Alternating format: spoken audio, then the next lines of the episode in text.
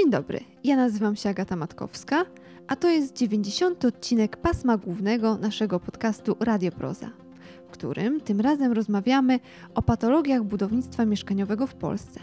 Za punkt wyjścia do dyskusji posłużyła nam książka autorstwa urbanisty Łukasza Drozdy Dziury w ziemi, patodeweloperka w Polsce. W rozmowie, poza autorem książki, udział wzięli też architekt Zbigniew Maćków i Katarzyna Kajdanek z Zakładu Socjologii Miasta i Wsi Uniwersytetu Wrocławskiego. Zapraszamy do słuchania.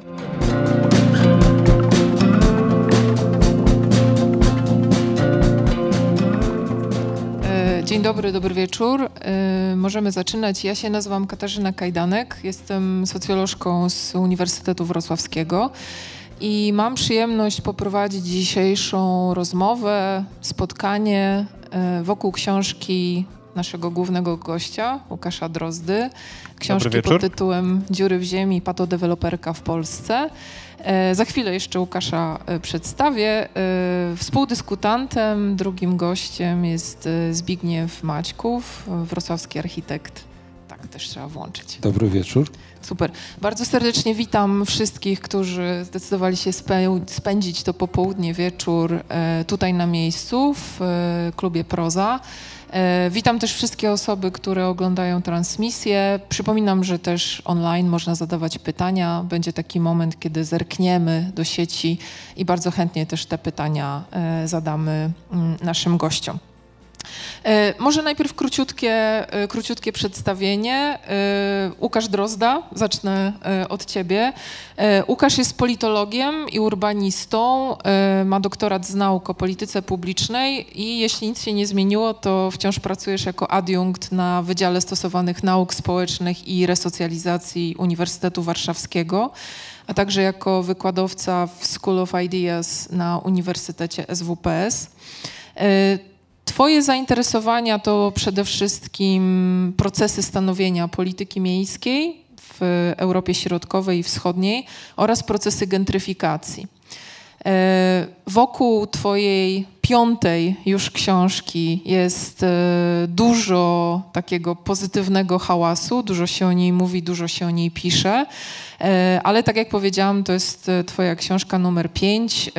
Zacząłeś kilka lat temu, pierwsza książka pod tytułem Lewactwo, historia dyskursu o polskiej lewicy radykalnej. Potem uszlachetniając przestrzeń, jak działa gentryfikacja, jak się ją mierzy, następna książka 2000, Instrukcja obsługi polskiej urbanizacji w XXI wieku, e, a przedostatnia książka to Urbanistyka oddolna, Koszmar partycypacji, a wytwarzanie przestrzeni. E, dzisiaj będziemy natomiast rozmawiać o dziurach w ziemi. I tak jak powiedziałam, naszym drugim gościem, dyskutantem jest Zbigniew Maćków, absolwent Wydziału Architektury Politechniki Wrocławskiej, przepraszam, założyciel i główny projektant w Maćków Pracownia Projektowa. E, jesteś członkiem Stowarzyszenia Architektów RP. E, w Dolnośląskiej Okręgowej Izbie Architektonicznej pełnisz też ważne funkcje, tak? E, działałeś też, nie wiem czy to nadal jest prawda, w Miejskiej Komisji Urbanistyczno-Architektonicznej przy prezydencie Wrocławia, teraz też chyba w Radzie Architektonicznej przy prezydent Gdańska, prawda? Twoje prace były wielokrotnie nominowane do nagród, nagradzane w konkursach polskich i zagranicznych. No, myślę, że z takich najistotniejszych można e, wspomnieć e, nominację i shortlistę do nagrody Misa van der Rohe e, czy honorowe nagrody SARP e, oddziału wrocławskiego. No dobrze. E, spotykamy się dzisiaj, żeby rozmawiać o książce dziury w ziemi, patodeweloperka w Polsce. E, ja chciałabym zacząć może od takiego komentarza własnego, trochę też e, jakby odpowiadającego na to, co się wydarzyło, zwłaszcza w ostatnich dniach, kiedy e, można było czytać odpowiedzi szefa e, Polskiego Związku Firm, Firm Deweloperskich na Twoją książkę, na wywiad w Gazecie Wyborczej. E, wydawało, wydawać by się mogło, że to słowo patodeweloperka y, opisuje wszystko, co dzieje się na polskim rynku mieszkaniowym. Natomiast y, jakby takim moim celem i punktem wyjścia y, byłoby to, żeby spróbować przekonać wszystkich Państwa do takiego punktu startowego, w którym powiemy sobie, że to zjawisko opisywane jako patodeweloperka to jest tylko element dużo większego, dużo bardziej złożonego problemu. I to jest jeden z aspektów kryzysu mieszkaniowego, z którym mamy do czynienia w Polsce, kryzysu systemu mieszkaniowego. I oczywiście przejawy tego kryzysu są e, bardzo różne. Tutaj można mówić o takiej kwestii jak na przykład, nie wiem, ponad 2,5 miliona młodych osób w wieku 25-36 lat, które muszą mieszkać z rodzicami, ponieważ mimo tego, że pracują zawodowo, no zarabiają zbyt mało, żeby się usamodzielnić i wyprowadzić. E, możemy mówić o przeludnieniu mieszkań. E, na jedną osobę w Polsce przypada 1,2 e, lokalu, znaczy nie lokalu, tylko izby. Średnia unijna to 1,6. Jesteśmy jednym z najbardziej przeludnionych krajów czy narodów w Unii Europejskiej. Można też mówić o takim zjawisku jak luka czynszowa, czyli liczba osób, które są zbyt biedne, żeby pójść do banku i prosić o kredyt a zbyt zamożne, żeby załapać się na mieszkanie e, komunalne w najmie socjalnym. Według nowszych badań ta luka czynszowa być może nawet sięga 70% w związku z ograniczoną dostępnością do kredytów mieszkaniowych. Więc to zjawisko, o którym e, Łukasz napisał swoją książkę, o którym ty piszesz, wydaje się być tylko jednym z aspektów szerszego, szerszego zjawiska. No ale mamy książkę, y, każdy z nas prawie tutaj przy stoliku ze swoją zaczytaną, sczytaną kopią. Więc chciałabym zacząć od takiego pierwszego pytania do ciebie, Łukaszu. E, skąd pomysł na tę książkę i dlaczego teraz? Czy coś szczególnego wydarzyło się tym okresie, kiedy podejmowałeś decyzję, podejmowałeś wybór, żeby zająć się e, tym zjawiskiem, że spośród przecież wielu innych zjawisk postanowiłeś na nim skupić swoją uwagę? Pomysł na tę książkę wziął się z tego, że jeżeli mówiłbym za cicho, to, to proszę o sygnał. Mam wrażenie, że mamy dość mocno podkręcone głośniki. Jestem przyzwyczajony do tego, że tak zbieram głos z mikrofonu, ale gdybym był za bardzo głośno, to poproszę o komunikat. Jest ok, super. Skąd pomysł na książkę? Pomysł na książkę wziął się z tego, że mm, dostałem propozycję napisania książki na ten temat. Ja nie, nie, jestem sam pomysłodawcą tego tematu, natomiast w momencie, kiedy dostałem propozycję od wydawcy, żeby napisać książkę mm, poświęconą zjawisku pata deweloperki, to musiałem się właściwie zastanowić nad tym, czym pata deweloperka dla mnie jest. Bo rzeczywiście mam takie poczucie, że w tej chwili podpina się pod tę kategorię absolutnie wszystko E, są to też na przykład e, informacje o wynajmowaniu czegoś na rynku wtórnym w budynkach, które istnieją od kilkudziesięciu lat i przez kilkadziesiąt lat mam na myśli więcej niż 30, czyli tyle, ile w Polsce istnieją produkty branży deweloperskiej. Mm, mógłbym powiedzieć, że ta książka powstała na 30-lecie branży deweloperskiej, bo GUS pierwsze mieszkania w Polsce zarejestrował e, pochodzące od deweloperów w roku 1993. No, w rzeczywistości te firmy istnieją w związku z tym trochę dłużej, bo proces budowlany trwa pewien czas Ale to, co mogę z pewnością powiedzieć, to to, że to nie była bezpośrednia przyczyna, natomiast przyczyną było to, że nagle y, problemy mieszkaniowe, które nawarstwiają się od dekad i przez to należy rozumieć więcej niż trzy dekady zresztą, stały się na tyle odczuwalne i na tyle budziły duże wkurzenie tak wielu ludzi, że w momencie, kiedy Jan Śpiewak spopularyzował hasło patodeweloperki, no to bardzo dużo zaczęło się mówić na ten temat i to jest taki oddolny ruch, a nie tylko sterowany przez e, jakąś grupę wpływu, jakichś aktywistów, jakiś ruch społeczny, na fali którego powstał pomysł napisania tej książki. Wydało mi się to ciekawe, e, żeby spróbować zmierzyć się z tym pojęciem, pod które podpina się absolutnie wszystko ja staram się uporządkować dyskusję nad patodeweloperką, kojarząc to pojęcie rzeczywiście z rynkiem pierwotnym, z firmami deweloperskimi i z tymi trzema wymiarami, czyli e, architekturą, która sama w sobie ma poziom architektury wnętrz, architektury też krajobrazu, e, no i tej takiej właściwej powiedzmy architektury, e, poziom urbanistyczny, który też sam w sobie jest w gruncie rzeczy dość złożony i coś, co ja określam mianem ekonomii metra kwadratowego, czyli tych wszystkich wszystkich e, społecznych uwarunkowań, w jakich budownictwo mieszkaniowe funkcjonuje, czyli tego obszaru, który nas we dwójkę zapewne najbardziej interesuje. I książka była jest próbą, próbą odpowiedzi na, na to, czym patodeweloperka jest, z czego się bierze e, i, i próbą jakiegoś przedstawienia tego zjawiska w, w miarę uczciwy i jak mam nadzieję w miarę ogólnopolski sposób, bo dla mnie jako dla autora z Warszawy największym lękiem jest to, że będę pisać tak jak 90% mediów w Polsce, tak jak 80% książek w Polsce i 70% czegoś jeszcze tylko i wyłącznie w Warszawie. Myślę, że obecność drugiego panelisty, który w książce się pojawia e, i fakt, że nowe żerniki są gęsto omawianym pomysłem, jak przeczytałem w recenzji w magazynie Odra, jedynym pozytywnym bohaterem tej książki, to, to pokazuje, że książka nie jest tylko w Warszawie, tylko jest o całej Polsce przede wszystkim o największych miastach, aczkolwiek nie, nie tylko, a Wrocław jest przykładem jednego z największych rynków deweloperskich w Polsce, nie tylko dlatego, że jesteście Państwo trzecim miastem w Polsce już teraz, tylko, tylko też dlatego, że, że jest to po prostu potężny rynek deweloperski i siłą rzeczy ogromny materiał badawczy dla publikacji tego rodzaju. E, myślę, że okazję do tego, żeby porozmawiać o e, zaletach i wadach nowych żernik e, jeszcze w trakcie tego spotkania się pojawi, ale zaznaczyłeś bardzo ciekawą taką przestrzeń czasu, mniej więcej 30 lat. Ja na swojej ściądze widzę to, nie, nie wspomniałam o tym, że też za chwilę jest 30-lecie pracowni projektowej, prawda? Zbyszku, w kontekście, w kontekście tego, o czym powiedział Łukasz, czy ty też widzisz w takiej perspektywie trzech dekad narastanie e, tego zjawiska, które Łukasza doprowadziło do podjęcia tego tematu, a do czego, e, jakby do jakich obserwacji prowadzi ciebie?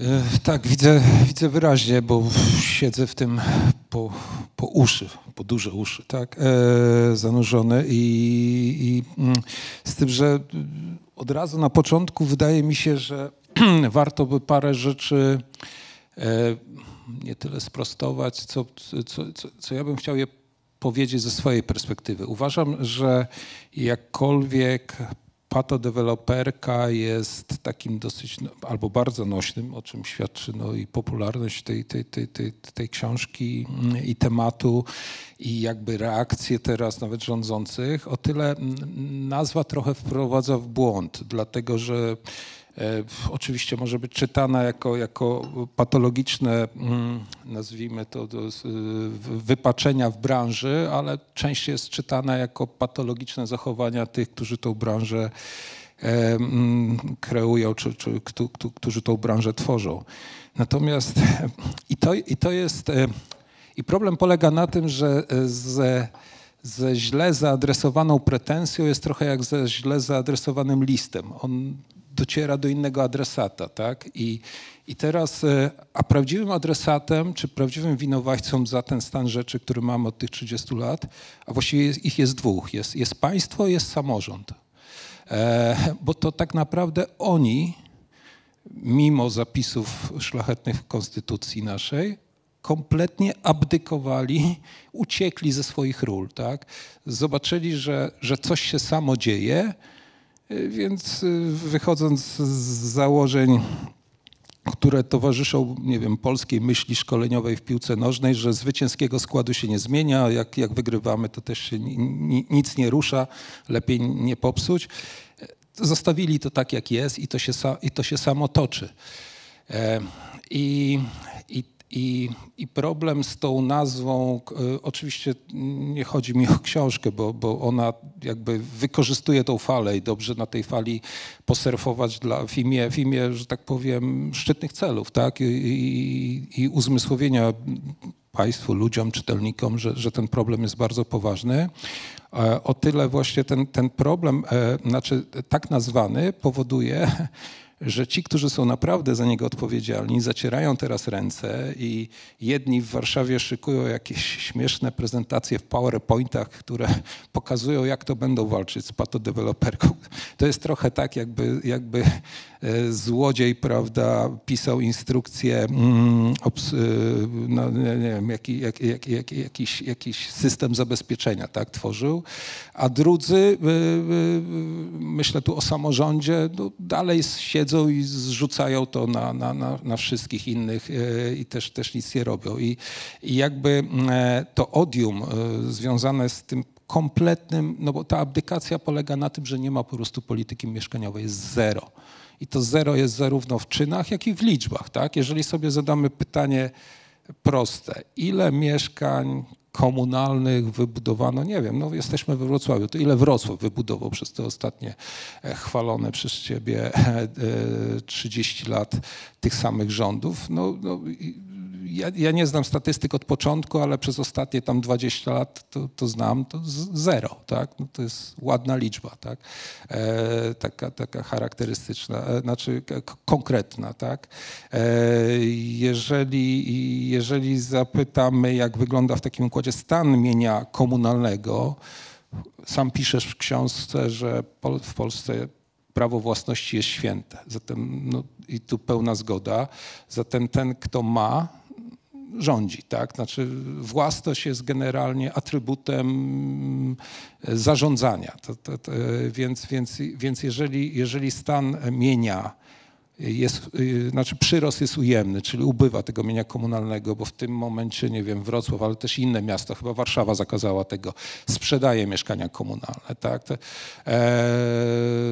ale, ale, ale się mityguje ze sprzedażą. Na przykład Wrocław sprzedaje na potęgę, więc, więc zasób komunalny po prostu topnieje d, d, i zaraz osiągnie zero, więc nie będzie czym zarządzać i tak dalej, i tak dalej. Więc generalnie problem polega w, na tym, że polityka mieszkaniowa nie istnieje.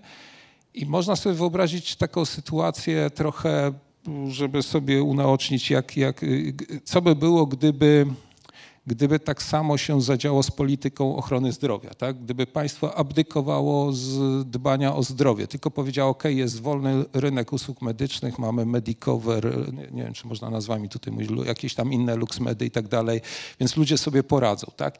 Jaką byśmy mieli pato medycynę wtedy, tak? Co by się działo, aż, aż mi nie starcza. Nie masz wrażenia, że trochę jesteśmy w takiej sytuacji? Bo myślę, że kwestia jakości usług medycznych i polityki ochrony zdrowia jest jedną z tych sfer, które pozostawiają wiele do życzenia. Wiele myślę, do życzenia, bardzo analogiczne historie. Wiele do życzenia, ale wiesz, na końcu jak się komuś, nie daj Boże, przytrafi ten nowotwór, to idzie do państwowego, do publicznego szpitala, tam jest leczony, dostaje tą chemię i, i oby wyszedł z tego i tak dalej. Jak coś jest poważnego, powyżej tam wyrwania zęba, czy jakiejś tam e, takiej operacji, którą można zrobić, że tak powiem, szybciej i sprawnie. Oczywiście pozostawiam masę do życzenia, ale, tam, ale to nie jest puszczone, to nie jest puszczone tak, jak jest puszczone mieszkalnictwo. No, mieszkalnictwo jest puszczone, bo wystarczy popatrzeć na procenty, które zresztą przytaczasz. No, jaki procent rynku jest w rękach e, prywatnych, czyli deweloperzy i prywatni inwestorzy? No, 95, 98? No, ile, no, reszta to są TBS-y, jakieś niedobitki spółdzielni, tak? Natomiast y, jakby z tego, co Zbyszku mówisz, no to y, tak jak ja to słyszę, y, mamy do czynienia z pewną taką luką aktywności, tak? takim wycofaniem się, niepodejmowaniem decyzji. W tę lukę wchodzą deweloperzy. No ale przecież to nie jest tak, że e, wraz e, z wycofaniem się polityki z aktywnego tworzenia, e, wraz z wycofaniem się władz miejskich z aktywnego tworzenia polityki mieszkaniowej, władze jednocześnie pozbywają się wszelkiego sprawstwa planistycznego. Przecież pewne narzędzia wciąż w rękach miasta pozostają. Więc jak to się dzieje, że pomimo tego, że przecież istnieją miejscowe plany e, zagospodarowania, istnieją pewne narzędzia planistyczne, które mogą być wykorzystywane, to zjawisko, które ty opisujesz jako patodeweloperka, jednak się ujawnia. Jeszcze bym powiedział, że może ja nie jestem taki pierwszy do chwalenia 30 lat jednolitych rządów we Wrocławiu, tylko mm, to jest pewna sytuacja, która jest o tyle specyficzna, że można realizować pewne polityki w tym zakresie, jeżeli, e, jeżeli one trwają w tak nieprzerwany sposób, to raczej od, od, w tej perspektywie to postrzegam. Ja też jak na politologa przystało uwielbiam powtarzać, że nie ma niepolityki, nie ma niepolityki publicznej, więc e, ja uważam, że w Polsce jest prowadzona polityka mieszkaniowa, mało tego uważam, że w niej są utopione bardzo duże publiczne pieniądze. To jest i kwestia kosztów zaniechania, e, które są marnotrawione w ten sposób. To jest kwestia podatków, które w większości państw o podobnym e, stopniu rozwoju cywilizacyjnego jakoś jednak funkcjonują. E, to jest też kwestia mm, tych pieniędzy, które są przelewane w bardzo specyficzny sposób.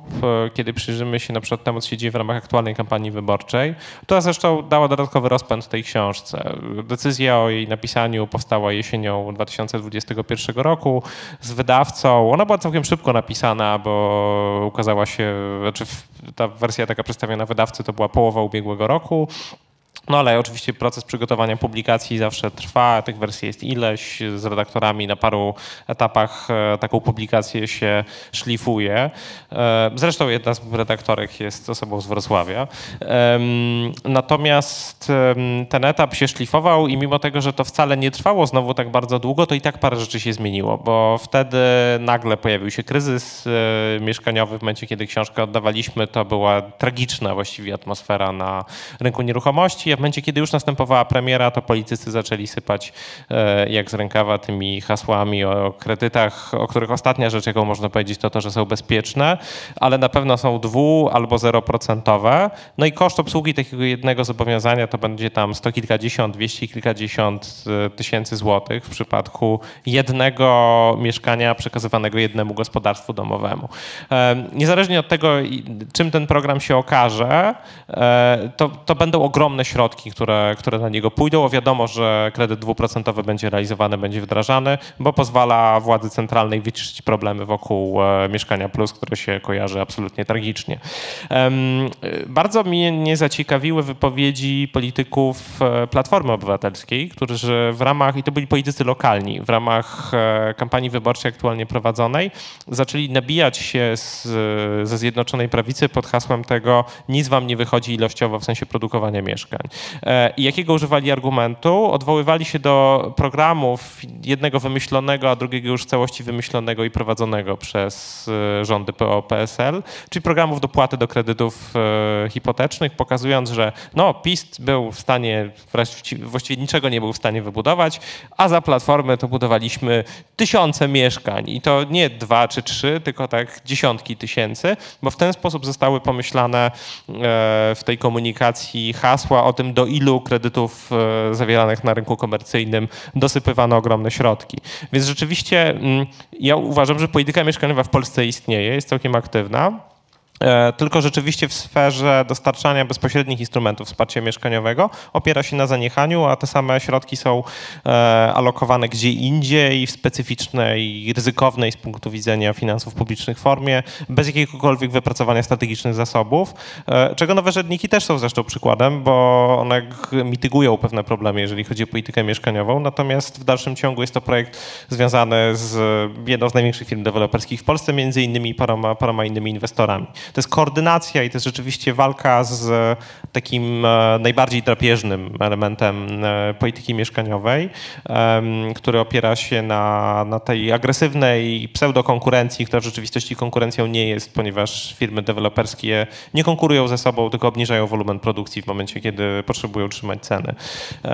Więc nie uważam na przekór temu, że polityka mieszkaniowa w Polsce jest hiperaktywna, tak bym prowokacyjnie powiedział. Ale zobaczcie, co się stało, że y, tuż po zadaniu przeze mnie tego pytania przeskoczyliśmy w dyskusji na temat polityki mieszkaniowej na poziom centralny. Chociaż przecież, jeśli pomyślimy o tym, gdyby tak zaryzykować taką tezę, że przeciwieństwem patodeweloperki w takim szerokim rozumieniu jest ład przestrzenny, to tymi podmiotami, które odpowiadają za tworzenie, strzeżenie i przestrzeganie ładu y, przestrzennego w Polsce są raczej y, jednostki samorządu, prawda? To się powinno dziać na tym poziomie lokalnym. Oczywiście tam jest też rola wojewody, prawda? Jest rola konserwatora zabytków i tak dalej, ale to raczej na poziomie gminy ten ład przestrzenny, czyli też powiedzmy zapobieganie patodeweloperce, mogłoby się wydarzać. Zbyszku, ty sama to przytaczałam, masz doświadczenie w byciu na przykład w Miejskiej Komisji e, Architektoniczno-Urbanistycznej, e, działasz też w tych strukturach, które no, w pewnym sensie wspierają czy mają wspierać tworzenie ładu e, przestrzennego. Jak to z, od tej strony wygląda? Czy faktycznie jakieś narzędzia do dyspozycji na poziomie jednostek samorządu terytorialnego są? To po pierwsze, trafnie, moim zdaniem, trafnie odczytuję, że rzeczywiście siła ciężkości tutaj, jeżeli chodzi o sprawstwo, jest, jest po stronie samorządu, że to nie jest tak pół na pół państwo, samorząd, tylko, tylko te, te 80% jest tu, e, tu czy w każdej innej gminie, w każdej innej jednostce samorządu. E, to jest pierwsze. Po drugie, plan miejscowy jest elementem biernej polityki. Tak? Jest takim biernym, jest narzędziem, które, które pilnuje. E, e, tak samo te wszystkie instrumenty, które ty wymieniłeś, to też są takie, bym powiedział, erzace, ale też w sferze biernej. E, takie, takie dopłaty tu do, do, do, do, kredytu, tu do wkładu własnego, tutaj kredyt 2, 2 czy 0%. To są, to są wszystko elementy dalej stymulujące to, co się dzieje, czyli te, te, te, te, te 98% y, prywatnego ruchu na tej, na tej, na tej, y, tego flow, tak, tego, tego budowania. Czyli trochę to jest tak, jakbyśmy mówili, znów wracając być może nie do końca trafionej analogii z tym leczeniem, jakby, jakby to państwo zamiast budować i tworzyć publiczną służbę zdrowia, to mówiła, to teraz każdy z mieszkańców, y, z obywateli dostanie bon do tego medicoveru, żeby sobie mógł tam e, od tego zęba więcej zrobić, e, czy, czy, czy, czy al, albo jakieś dofinansowanie do, do, do leczenia, ale dalej w tej prywatnej tak, służbie. Mm, e, tu chodzi o czynną politykę, o czynną, o, o budowanie zasobu, o takie budowanie i, i poprzez budowanie i tworzenie zasobu, poprzez wy, wygenerowanie tego zasobu można nim zarządzać. Bez, bez tego nie można zarządzać. Można tylko biernie, mm, biernie mm, kreować jakieś, jakieś, y, jakieś powiedzmy E, ograniczenia, tak? Ale teraz, jeżeli byśmy przeszli przez rozdziały Twojej książki i po kolei je tak e, rozpisali, roz, rozłożyli na nuty, to tam prawie żaden nie podlega tak naprawdę e, ograniczeniom, które można zapisać w planie miejscowym, tak? Po kolei, tak? Pewnie nie, nie, nie, nie, nie, nie, nie na pamięć, ale nie wiem. E, to nie będzie po kolei, bo pierwsze, co mi przychodzi do głowy, grodzenie, grodzone osiedle. Tak? W ogóle plan miejscowy nie, nie, nie, jest w stanie tego uregulować. Tak? O, o, zresztą sam, sam, sam, sam to piszesz. Tak? Po drugie, mm, e, e, osiedla łanowe. Tak samo, znaczy łanowa urbanistyka też nie jest w stanie, zresztą część po, po, powstaje na, na planach, bo, bo łanowe są podziały po prostu geodezyjne wynikające z przeszłości e, i dalej tutaj clue stanowi własność i niechęć do scalania, do, do, do dogadywania się i tak dalej. E, po trzecie, nie wiem, problem, mm, mm, co tam jeszcze było, czyściciele kamienic, tak, reprywatyzacja dzika, tak dalej, kompletnie nie ma żadnego związku z planem miejscowym. I tak możemy iść punkt po punkcie i okazuje się, że wszystkie rzeczy uciekają nam z tego mm, nawiasu, o którym decyduje prawo miejscowe, czyli plan, przez, plan zagospodarowania przestrzennego. E, czyli to jest po drugie. I po trzecie, już bezpośrednio odpowiadając na pytanie, tak, owszem, działam w tych wszystkich instytucjach, tylko jak gdyby poziom przełożenia, na, nawet w ramach MKUły, też byłem członkiem GKUły, czyli Głównej Komisji Urbanistycznej Architektonicznej przy pre, pani premier Ewie Kopacz swego czasu. No, notabene jak nastał nowy premier, to szczyścił całą komisję i to też widać, jak, jak polityka e, działa pomimo tego, że nikt tam jakichś znaczków partyjnych nie przypinał sobie w tej komisji. To, to, to jakby przełożenie, po pierwsze komisje, czy GKUA, czy MKUA, czy Rady opiniują. Z tymi opiniami się nie, nikt, znaczy nie trzeba zgadzać, to, to, jest, to jest doradztwo, tak? I wielokrotnie, kiedy czy komisja, czy, czy ja byłem przeciwny, to, to plan był uchwalany i, i, i tylko mi została ta kartka papieru z tą negatywną opinią, tak kiedyś na zasadzie, że, że, że może się przyda, tak, przy jakimś postępowaniu. E, więc więc to, jest, to, jest, to jest działanie z, na zasadzie takiego mm, ucierania pewnych, pewnych e, czy, czy wpływania, ale tak e, mająca nikłe przełożenie na, na, na, na, na rzeczywiste rzeczy, które się dzieją, a już na rzeczy opisywane w twojej książce jako to, to, te, te pato, to, to zupełnie prawie nie ma na to, na to, to przełożenie. To co, to, co mówisz, Zbyszku, to dość e, dobrze rezonuje z czymś, e, z takim fragmentem, który wyczytałam. W, e, też bardzo polecam, jeśli Państwo są zainteresowani tą problematyką, o której rozmawiamy. Jest takie, taki kwartalnik Rzut, wydawany przez młodych architektów, architektki z Warszawy. Wydali taki odcinek tego czasopisma pod tytułem Kryzys i tam e, w rozmowie właśnie między innymi e, Zbyszka Maćkowa z e, też Agatą Twardoch powiedziałeś coś takiego, że architekci generalnie mają niewiele do powiedzenia. Aby mieć coś do powiedzenia, trzeba być właścicielem gruntu. Aby mieć coś do powiedzenia w sensie tworzenia, tworzenia jakości przestrzeni. No to wygląda na to, że ta kolejka do psucia przestrzeni jest dość długa. E, w tym krajobrazie, jak do tej pory, e, pojawiło się państwo, e, pojawił się dość bezwładny samorząd. Pojawili się architekci i być może architektki, którzy nawet jeżeli wystarcza im etosu, to nie mają wystarczających narzędzi, bo nawet miejscowy plan zagospodarowania przestrzennego, tak jak mówisz, nie, nie daje tego wystarczająco szerokiego e, e, nawiasu, żeby, żeby zrobić coś dobrze. E, no są właściciele ziemi, tak, którzy mogą robić co chcą, święte prawo własności. Są deweloperzy, no ale są też klienci. Mówi się o tym, że jakby na czym polega problem? Jeżeli to by były brzydkie mieszkania, których nikt nie chce kupować, to by stały puste. Łukaszu, jaka jest ta perspektywa od strony nabywców?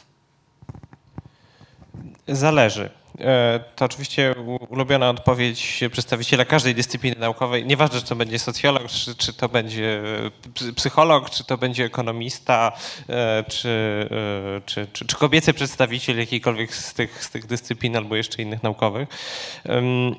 Ja też bym trochę wrzucił tutaj takiej krytycznej refleksji na to, że to jest bardzo wygodna droga, jeżeli tak e, uciekamy od tego i mówimy, że nie mamy żadnej władzy. Myślę, że branża architektoniczna też może się jednak e, parę razy nie czuć najbardziej dumna z pewnych, z pewnych swoich osiągnięć i myślę, że um, niektóre pracownie architektoniczne naprawdę nie mają problemów ze zleceniami i takie uzasadnienie tego, że są absolutnie bezwolne w podejmowaniu jakichkolwiek działań, do mnie to nie przemawia. E, tak samo jak do mnie nie przemawiają e, takie próby właśnie tłumaczenia e, też się firm deweloperskich, które mówią, że no przecież one nic nie mogą zrobić. No one funkcjonują w takich, a nie innych, nie innych wymogach. E, no nie wiem, no i parę dni temu była ta akcja z, mm, z tym blokiem w Warszawie, 11-piętrowym budynkiem, który został postawiony w odległości nieco ponad metra, jeżeli spojrzymy na balustradę balkonów od sąsiedniego szeregowca. Tak? Szeregowiec, 11-piętrowy budynek, niezależnie od tego, na ile Państwo jesteście związani z e, tworzeniem przestrzeni, to raczej umiecie sobie wyobrazić, że jest to pewna dysproporcja pomiędzy istotną dominantą wysokościową i sąsiednim obiektem. E, przykład jest w ogóle o tyle ciekawy, że firma firma, która go postawiła, to nie jest jakiś Januszek, że tak powiem, tylko e, podmiot zrzeszony w Polskim Związku Firm Deweloperskich, e, który lubi podkreślać to i rzeczywiście często słusznie to robi, e, że to są firmy, te, które robią najgorszą sławę, to są właśnie takie firmy krzaki, mniejsze podmioty działające często na, też na mniejszych rynkach, które nie są zrzeszone w tym związku. Znaczy związek uwielbia opowiadać o sobie, że jest głosem całej branży deweloperskiej, ale nie wtedy, jak trzeba się przyznać do tego, tego, że, e, że część tej branży produkuje jednak e, potworki, aczkolwiek często rzeczywiście te piramidy finansowe albo jakieś takie najdziwniejsze firmy w PZFD zrzeszone nie są. Ale to nie oznacza, że są bez winy. Natomiast e, perspektywa klientów, też oczywiście można by o tym mówić w takiej perspektywie co klienci, e, co klienci mogą, bo siła nabywcza jest taka, a nie inna i to nieważne, czy będziemy mówić o rynku w Warszawie, w Krakowie, w Wrocławiu czy w Trójmieście. E, Ja kiedy kupowałem swoje mieszkanie 5 lat temu, to cena średnia metra kwadratowego w Warszawie kosztowała tyle, za ile ja to mieszkanie kupowałem, czyli 8,5 tysiąca złotych. 5 lat i e, klub 10 tysięcy wzrósł nieproporcjonalnie do skali inflacji od tego czasu. Tutejsze miasto przecież też jest jednym e, z tych miejsc, gdzie średnia cena już dawno ten e, pułap e, przebiła. Więc perspektywa konsumencka jest taka, że oczywiście no, na mało co sobie można pozwolić, ale to jednocześnie jest też część odpowiedzi na to pytanie. Em, Problem z polityką mieszkaniową nie powinien być postawiony w ten sposób, co powinniśmy zrobić, żeby nagle nasze pensje magicznie wzrosły trzy razy do góry i w związku z tym nasza siła nabywcza została zwiększona, a ceny się zam- zamroziły na tym poziomie. Albo co zrobić, żeby magicznie nagle e, ograniczone zostały koszty budowy, bo to się nie stanie. Problemem jest e, presja na własność i problemem jest to, że rzeczywiście tak, a nie inaczej wygląda polski rynek mieszkaniowy, że firmy deweloperskie w dużych miastach budują te 90 kilka procent. E, Na prowincji ten udział jest niższy, bo tam jednak bardzo dużą rolę odgrywa budownictwo indywidualne, ale w tej chwili wbudowanie się w jakiejkolwiek części kraju nie jest łatwym zadaniem, plus o czym doskonale jako badaczka suburbanizacji wiesz, jest e, szereg e, problemów związanych z zamieszkiwaniem poza największymi aglomeracjami i jak ty wiesz doskonale proces prowadzony e, indywidualnie budowlany jest, jest na tyle złożony, kosztowny, że mało kto może się na niego decydować. Więc w tej sytuacji to, z czym ja też bym chciał wyjść do, do świata, to nie jest tylko rozmowa o tym, tą książką. E, To nie jest tylko rozmowa o tym, że, żeby, na, że- żeby narzekać i prowadzić takie terapeutyczne rozmowy, jak to, jak to jest źle, jak się nic nie zmienia. I jak książka 13 pięter, która częściowo zahacza tematycznie o tę rzecz wydana dekadę temu, jest, jest to bardzo wielu podobnych problemach. Tylko ja jednocześnie widzę pewien moment przejścia, jeżeli chodzi o politykę mieszkaniową, który wynika, wynika z tego drastycznego spadku siły nabywczej.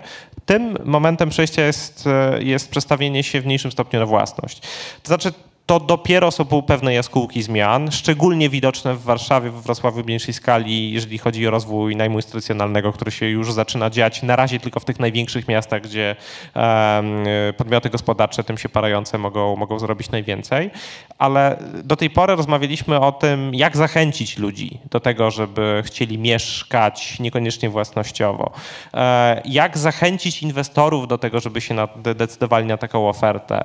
Em, Jak walczyć z zakorzenioną w nas kulturowo presją na to, że własność jest czym pe- czymś pewnym, co i z perspektywy Warszawy i Wrocławia jest czymś kompletnie idiotycznym, bo nasze miasta zostały starte z powierzchni ziemi, a tu jeszcze, jeszcze bardziej niż w Warszawie wymieniła się populacja po II wojnie światowej i każdy, kto zna historię Warszawy i Wrocławia, powinien wiedzieć, że twierdzenie w to, że własność jak notarialny jest czymś pewnym, jest kompletnie idiotyczne i, i nie, ma, nie ma racji bytu. Natomiast y, to jest zmiana i po raz pierwszy będziemy się z nią mierzyć i ona będzie, ona nadciąga i przybiera na sile, że coraz mniej ludzi będzie się decydować na mieszkania własnościowe nie dlatego, że są genzetami czy młodszymi e, przedstawicielami milenialsów, którzy nie chcą obrastać w Rzeszy i tak jak branża deweloperska komunikuje 15-metrowe wyroby mieszkaniopodobne, w związku z tym, że nie żyją wartościami materialnymi, to będą czuć się swobodnie mieszkając w 15-metrowym czymś z widokiem na skyline z 17 piętra w Mrówkowcu.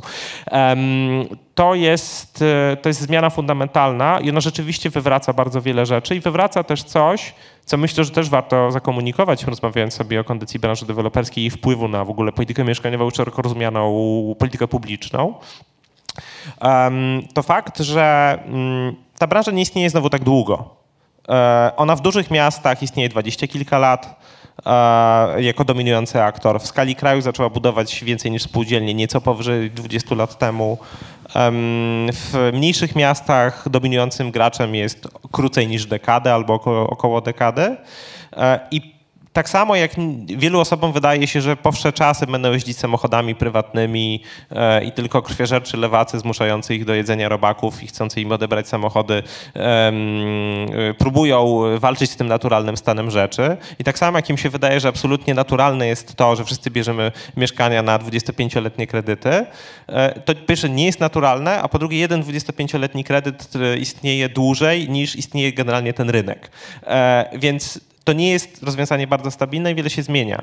I jednocześnie w tym miejscu, w którym upatruje się ogromnej liczby zagrożeń związanych z najmem instytucjonalnym i powtarzaniem tego, co znamy za naszej zachodniej granicy, widzę też ogromną szansę na zmianę w, mm, na rynku mieszkaniowym, ponieważ jeżeli w tej chwili zastanawiamy się nad tym, jak to zrobić, żeby zachęcić ludzi do tego, żeby myśleli o mieszkaniu w TBS-ie albo spróbowali naciskać na władzę też za pomocą swoich decyzji wyborczych, żeby budować więcej mieszkań komunalnych, to wynika z tego, że nie nie chcą mieszkać w mieszkaniach komunalnych, bo alternatywą są mieszkania własnościowe. A przechodzimy do świata, w którym nie będzie alternatywą mieszkanie własnościowe, tylko alternatywą będzie wynajmowanie czegoś od korporacji mieszkaniowej za ciężkie pieniądze, a dlatego alternatywą jest, będzie publiczne e, mieszkalnictwo, e, które niezależnie od tego, jak będzie wyglądać jakościowo, będzie po prostu tańsze i będzie bardziej dostępne.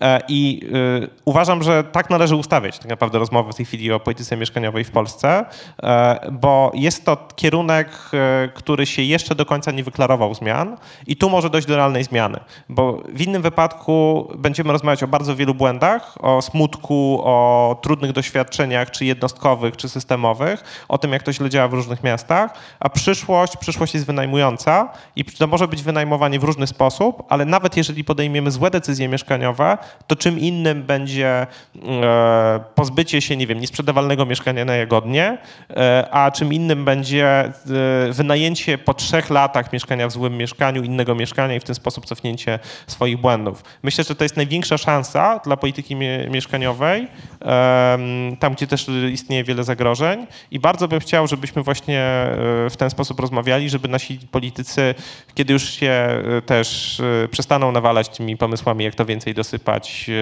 Atalowi, O2 Construction i, i Echo Investment i Dom Developmentowi, najwięksi na rynku, to E, i bankom przy okazji, to wtedy rzeczywiście będziemy myśleć o jakiejś polityce mieszkaniowej, która może się zmienić i wydaje mi się, że to będzie konstruktywna rozmowa. Mogę się adwocem e, się odnieść do tego, co powiedziałeś. Absolutnie pełna zgoda co do, co do diagnozy i kierunku, tak? czyli najem jest przyszłością. Tylko problem polega na tym, że te nasze fundusze, e, znaczy nasze, te, te działające na naszym rynku, tam pięć ich jest raptem, tak, czy, czy, czy, czy, czy cztery, one tworzą zasób kupując od deweloperów, tak. E, w związku z tym nie ma szans, żeby przy zaangażowaniu pieniądza, który przecież kosztuje, tak, a dzisiaj kosztuje dużo więcej, żeby ten najem był najmem dostępnym, tak, żeby to mieszkanie było dostępne. I, i, i na tym polega problem. A, a problem w Polsce, a tego problemu w Polsce nie da się rozwiązać tak, bo my patrzymy zachuśnięci i to nasze serce po lewej stronie, jak patrzy na Berlin, to myśli sobie no 10 lat i tak, ale nie, nie, ale mówię o Berlinie ze względu na te Deutsche Wohend i to, co się zdarzyło w referendum, że to u nas też się zdarzy. No nie zdarzy się, dlatego że my jako Polacy w, w, w ramach e, jakby mieszkalnictwa wynaleźliśmy coś w rodzaju bitcoina, zanim on powstał, czyli zrobiliśmy rozproszoną własność kompletnie, tak? E, I w Polsce nie ma czegoś takiego jak Deutsche Wohnen, które, które posiada 150 tysięcy mieszkań w Niemczech, tak? W Polsce e, żona prezesa banku ma 5 albo 10, tak? Premier ma tam 8 czy, czy, czy 12, tak dalej. Każdy, każdy ma kilka i my, my, my mamy taki, my jesteśmy, znaczy Polska, tego się nie da skupić, nie da się scalić. Można to wywrócić rewolucją społeczną, można to wywrócić wojną, tak? E, zresztą wystarczy popatrzeć, co się stało, jak te, ta, ta rakieta trafiła w ten ciągnik, jak akcje firm deweloperskich poleciały, bo to opowiadają mi chłopaki, z, którzy pracują teraz na budowach z Kijowa, e, jak ich mieszkania mieszkania poszły w dół, ile stracili, kupując jeszcze przed wojną, a, albo niektórzy jeszcze przed 2,14 to sprzedawali po jednej trzeciej ceny, tak, po, po, po lutym, e, po 24 lutego i jak u nas poleciały akcje firm deweloperskich, jak tylko ta, ta, ta, ta przypadkowa rakieta gdzieś tam spadła koło Chrubieszowa. E, więc to pokazuje, jak, jak stabilny jest rzeczywiście ten rynek. Ale I teraz wracając do odpowiedzi, bo to przydługa, przydługa rozbiegówka. Rzeczywiście antidotum jest najem, ale najem budowany w oparciu o państwo publiczną, czy państwową, czy samorządową, samorządową, nieważne, publiczną własność gruntu. E, dla, takie szybkie ćwiczenie matematyczne, tak? Jeżeli popatrzymy, e, to, to, to proste liczby, to żeby liczyć w pamięci, tak? Jeżeli popatrzymy na taki typowy metr gdzieś tam, nie wiem, we Wrocławiu czy, czy, czy w Krakowie, to jest 12 tysięcy, tak? Biorę 12, żeby się łatwo liczyło, tak? To, e, to te 12 tysięcy, to żeby, to żeby Państwo mieli wiedzę, to tak, na te 12 tysięcy w tym metrze, to nie wiem, czy Państwo wiecie, ile kosztuje grunt. Więc grunt kosztuje tak powiedzmy do tego metra między 3,5 a 4 tysiące. Nie mówię o centralnej lokalizacji we Wrocławiu, nie mówię też o peryferyjnej, mówię o takim tam drugim pierścieniu. To jest, to jest 3,5-4 tysiące. Do tego dochodzi od 500 do 800 zł za infrastrukturę, którą musi wyłożyć deweloper. E, I teraz następne 4 tysiące w tej cenie to jest ta, ta marża deweloperska, którą my się wszyscy mm, jakby niezdrowo podniecamy, że to jest te 30%. Ale dlaczego to jest te 30%? Dlatego, że proces tworzenia wyrobu mieszkaniowego czy mieszkaniopodobnego, nie, nieważne, trwa 4 do 5 lat. Więc jeżeli te 30% podzielimy przez 5, to wychodzi 6%. To jest naprawdę niedużo. To teraz głupia lokata w banku daje więcej. W związku z tym to musi być tyle. E i teraz, jeżeli z tych 12 tysięcy odejmiemy te cztery związane z gruntem, plus te 800 i te cztery związane z, z, z tą marżą, to nam zostaje 4 tysiące, tak? Nie chcieliby Państwo dzisiaj kupić mieszkania w, we Wrocławiu za 4 tysiące za metr? E, ale okej, okay, kupić, a mówimy o najmie, więc jak to się przekłada na najem? No to się przekłada w ten sposób, że jeżeli, e, tak maksymalnie upraszczając, że jeżeli metr mieszkania kupiony od dewelopera przez fundusz e, mieszkaniowy za 12 tysięcy złotych, oczywiście oni kupują z jakimś tam dyskontem, ale ten pomińmy, daje w efekcie żeby, żeby zarobić na, na, na ten koszt pieniądza czynsz na poziomie 2400 za kawalerkę, tak, plus media, pomijam, żeby to, no więc jeżeli to, koszt zakupu byłby jedną trzecią z tej, z tej ceny, no to koszt wynajęcia takiej kawalerki, łatwo licząc, byłby też jedną, jedną trzecią tego czynszu, czyli byłby na poziomie 800 złotych. Nie chcieliby Państwo wynajmować mieszkania za 800 zł miesięcznie w centrum Wrocławia, tak? Albo powiedzmy za 1200 zł dziś, nie, nie, nie, nie 15 lat temu, dziś w centrum Warszawy. Jeżeli doprowadzimy do takich cen najmu, czyli te ceny będą dostępne, a wszystkie książki o, o mieszkalnictwie mówią, że żeby mieszkanie było dostępne, to ta cena musi być poniżej 30% dochodów gospodarstwa domowego, czy na jedną, czy sumarycznego na dwie, czy tam dwie i pół osoby, tak? No a ona się mieści, te 800 się mieści, tak? Nawet jak ktoś zarabia tak sobie, no to, to, to, to, to, to raczej zarabia, no to minimalna krajowa jest taka, że te 800 się, się mieści w tej jednej trzeciej, tak? E, więc odpowiedź jest prosta. Trzeba pozbawić e, koszt mieszkania dwóch komponentów. Komponentu ceny gruntu i komponentu marży deweloperskiej. I teraz jak to zrobić? No w bardzo prosty sposób. To nie chodzi o to, żeby likwidować de deweloperów e, i nie wiem, zakazać im ustawowo e, działać i tak dalej. Nie chodzi też o to, żeby państwo budowało, bo jak państwo buduje, to zobaczyliśmy na przykładzie Mieszkania Plus, tak? Oni się potykają własne sznurówki, tak? I nie zbudują niczego, a jak zbudują, to to zgnije, zanim zostanie oddane do użytkowania i z, z wilgotnością. No, dobra, szkoda, szkoda czasu. Chodzi o to, że żeby po prostu nie sprzedawać gruntu, żeby oddawać grunt w coś w rodzaju w leasingu, tak? No, mieliśmy rozwiązanie, które już było blisko, było, tylko ono zostało kompletnie roz, e, rozwalone przez, przez obecną władzę, czyli użytkowanie wieczyste, bo ono zostało opacznie zrozumiane jako jakiś erzac czegoś, co, co jest na ziemiach odzyskanych i tak dalej, nastąpiło uwłaszczenie i tak dalej. Nie chodzi o to, żeby do tego wracać, tylko chodzi o to, żeby dziś, jeżeli wejdziemy dzisiaj na BIP, przepraszam, że tak długo mówię, osta, ostatnie dwa zdania, żeby skończyć tę myśl. Jeżeli wejdziemy dzisiaj na BIP, na przetargi we Wrocławiu, to zobaczymy, że tam jest przynajmniej 50 działek do sprzedaży w najbliższych trzech miesiącach.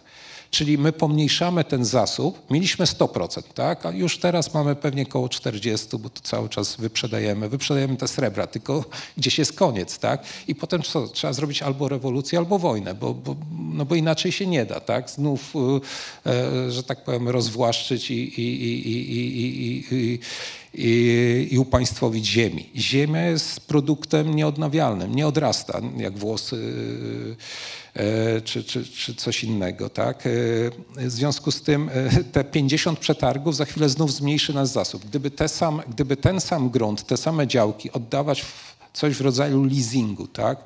czyli proszę, proszę przetarg, kto da więcej za 40 lat użytkowania i wybudowanie tam e, i, i deweloperowi, jeżeli nawet w prosty sposób liczyć, inwestycja w najem, znaczy deweloperowi, inwestorowi zwraca się po 10 latach, tak? No bo taki jest mniej więcej 10% tego yieldu rocznego, to jest, to, to, to, czyli to, to jest 10 lat. Więc jeżeli dostanie tą, e, tą ziemię w dzierżawę na 20 lat, no to już te 10 lat, to, to, to jak to się mówi w biznesie, yielduje, czyli przysparza do jego kieszeni. Jeżeli dostanie na 40 lat, no to 30 lat idzie do jego kieszeni, a potem oddaje wraz z tym, co zbudował i to powiększa zasób, tak? No tak, y, czyli, czyli generalnie cały ten biznes deweloperski ma co robić, tak? Zasobu przybywa, państwo się nie pozbywa, czy samorządy się nie pozbywają gruntów, tak? Żeby nie było tak, że to rozwiązanie jest science fiction. No nie jest science fiction, zresztą było zastosowane po raz pierwszy w historii tego państwa we Wrocławiu. Tak? Nie wiem, czy państwo wiecie, niedaleko stąd, na placu Nowy, Nowy Targ jest parking, tak? Podziemny. I ten parking podziemny wybudowała firma Mota. Wiem, bo my projektowaliśmy. I ona nie jest właścicielem tego parkingu. Ona, ona, ten przetarg to była coś w rodzaju, to się nazywa koncesja. Ona e, wylicytowała najwięcej, e, dała za wynajęcie na 40 lat i zbudowanie tego parkingu i przez te 40 lat czerpie pożytki z tego parkingu. Według ich wyliczeń po 10 latach, 12 ten parking już im zwrócił koszty budowy, więc te pozostałe 28 przysparza im, tak? I po 40 latach ten parking wraca do miasta, jest, jest miejski, tak? Znaczy wraca, on cały czas jest miejski w sensie własności, tylko wraca w sensie operacyjnym, tak? Miasto nim będzie operowało. Więc ten przykład się wydarzył. On się wydarzył raz w historii tego państwa we Wrocławiu, potem Kraków próbował to też e, skopiować. Nie wiem, czy mu wyszło, czy nie. Wiem, że próbował, bo, bo e, brał wszystkie dokumenty, więc można zrobić to z parkingiem, można tak samo z mieszkaniami, tak? Długą... Trochę, trochę taka y, przypowieść, która sprowadza się do tego, żeby zaprosić y, inwestorów do jedzenia małą łyżeczką po prostu. Łukasz. Tak, nie chochlał, tylko łyżeczką. Tak, jeden z moich wykładowców na naukach politycznych prosił nas, trafnie zresztą akurat tak się zgadza, że na moim roku było parę osób, które, które później trafiły do parlamentu na stołki ministerialne. Nie wiem, czy sobie wzięły tę radę do serca, nawet co do niektórych kolegów mam obawy, że bardzo sobie nie wzięli.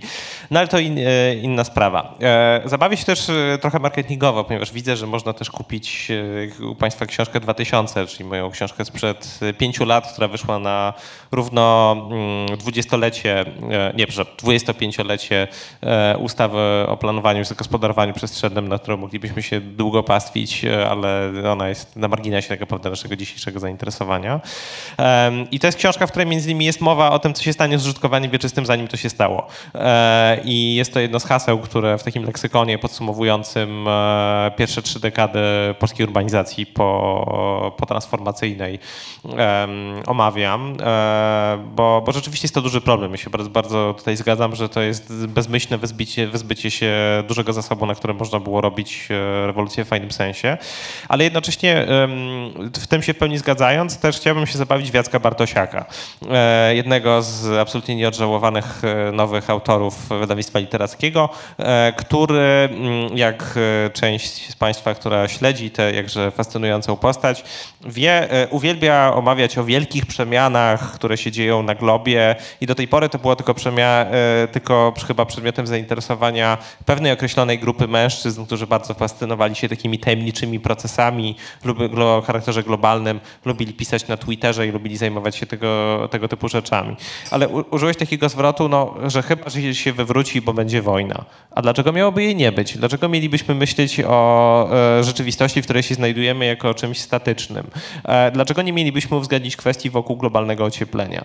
E, no, ja tak się składa, że mieszkałem w Ukrainie jesienią 2021 roku. Wyjechałem z Ukrainy w październiku 2021 roku i podwójnie osobiście odbieram e, wydarzenia mm, e, ostatniego półtora roku związane ze zbrodniczą imperialną interwencją tzw. Tak Federacji Rosyjskiej.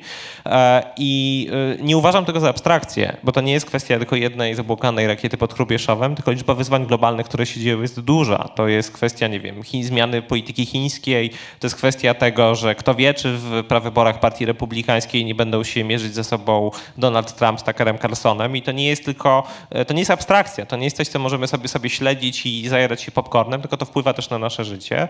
I tak samo myślę, że wiele rzeczy się zmienia pod kątem tego, jak wygląda urbanizacja i tak samo e, zmieni się też logika różnych podmiotów, które na tym rynku operują, włącznie z tymi firmami deweloperskimi, które na razie jeszcze w ten najem w ogóle nie chcą wchodzić, ale muszą, bo po prostu będzie inaczej wyglądać to, z czego będą, będą mogły czerpać zyski.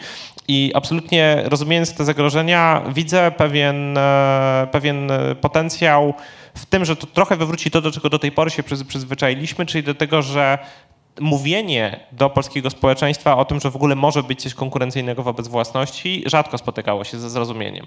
Lokatorzy TBS-ów też chcą mieszkania prywatyzować, lokatorzy mieszkań komunalnych też chcą je prywatyzować, bo z jednostkowego punktu widzenia e, od kilkudziesięciu lat na przykładzie tych typów lokatorów i na przykładzie innych typów lokatorów w innych miejscach na świecie wiemy, że własność nie jest gwarantem stabilizacji, tylko własność jest czymś, na czym można zarobić. E, I fajnie jest uzyskać własność postaci wykupu mieszkania komunalnego z bonifikatą, e, a przecież takie bonifikaty sięgały powyżej 90, nawet zbliżały się do 100%. Więc różnie wyglądało to w różnych miastach, w różnych momentach, różne były programy. Programy AWS-u w tej chwili zapomniane, jak Marian Krzeglewski obiecał Polakom e, powszechne uwłaszczenie, to też był chyba najbliżej lokujący się e, taczerowskich programów odpowiednik tego samego, co się działo w Polsce. Więc ja, e, ja myślę, że, że rzeczywistość jest na tle niestatyczna e, i polityka mieszkaniowa nie tylko jest czymś, co może demolować gospodarkę, jeżeli jest prowadzona w zły sposób, co obserwowaliśmy kilkanaście lat temu, tylko też to działa w drugą stronę. E, polityka mieszkaniowa operuje w tym niestabilnym, tym niestatycznym świecie i, i jedno, co jest zaletą tej całej sytuacji, to kwestia tego, że to jest taki czynnik, który naprawdę zmienia pewne rzeczy, czy się komuś podoba, czy nie. Um, ale jednocześnie oczywiście kwestia strategicznych dóbr publicznych, które, które wyprzedajemy w postaci e, pozbywania się miejskich gruntów, czy, czy w postaci skasowania użytkowania wieczystego, to oczywiście są ogromne problemy, ale też, e, też nie brałbym za pewnik e, e, rzeczywistości, która aktualnie jest zastana, nawet jeżeli wydaje się nam bardzo stabilna, bo ja lubię myśleć o polityce mieszkaniowej w horyzoncie paru dekad. E, która jest istotna dla, dla wielu osób. E, I tak samo, e, gdybyśmy się cofnęli o 20 czy 30 lat, czy gdybyśmy myśleli sobie o tym, czy w roku 88 wyobrażaliśmy sobie, że nie wiem, powstaną prywatne podmioty gospodarcze budujące za kredyty denominowane we franku szwajcarskim 150 tysięcy mieszkań i wyrobów mieszkaniopodobnych rocznie, to to była zupełna abstrakcja. Jeżeli operujemy w takim horyzoncie, to nawet to, że dzisiaj mamy takie, a nie inne podziały geodezyjne, że mamy takie, a nie inne grunty, e, że tak, a nie inaczej mamy zorganizowany ten rynek, wydaje mi się, że to, to, to, jest, yy, yy, to jest mo- mocno niestabilna rzecz. Widzę, że chciałeś się odnieść, ale zastanawiam się, czy też nie powinniśmy za chwilę To, dać... to, to jest właśnie, tak, adwocem, czy... No, tylko tak, jedno zdanie już, żeby nie zagadać. Y, Generalnie tak, tylko po pierwsze wydaje mi się, że dużo szybciej i realnie może nam się wydarzyć inny, in, i- i- inny problem takiego przesilenia, a mianowicie wydaje mi się, że problem mieszkaniowy za chwilę, za lat 3 do 5 będziemy mieli na ulicach. Nie aborcje, nie kwestie światopoglądowe, tylko, tylko dostępność mieszkań. To, to, to, to będzie problem, który wyjdzie na ulicę i nie, już go się nie da e, zamieść, nie da się e, grać populistycznie, więc nie, nie trzeba z zewnętrznego konfliktu, wydaje się, że, że, że będzie wewnętrzny.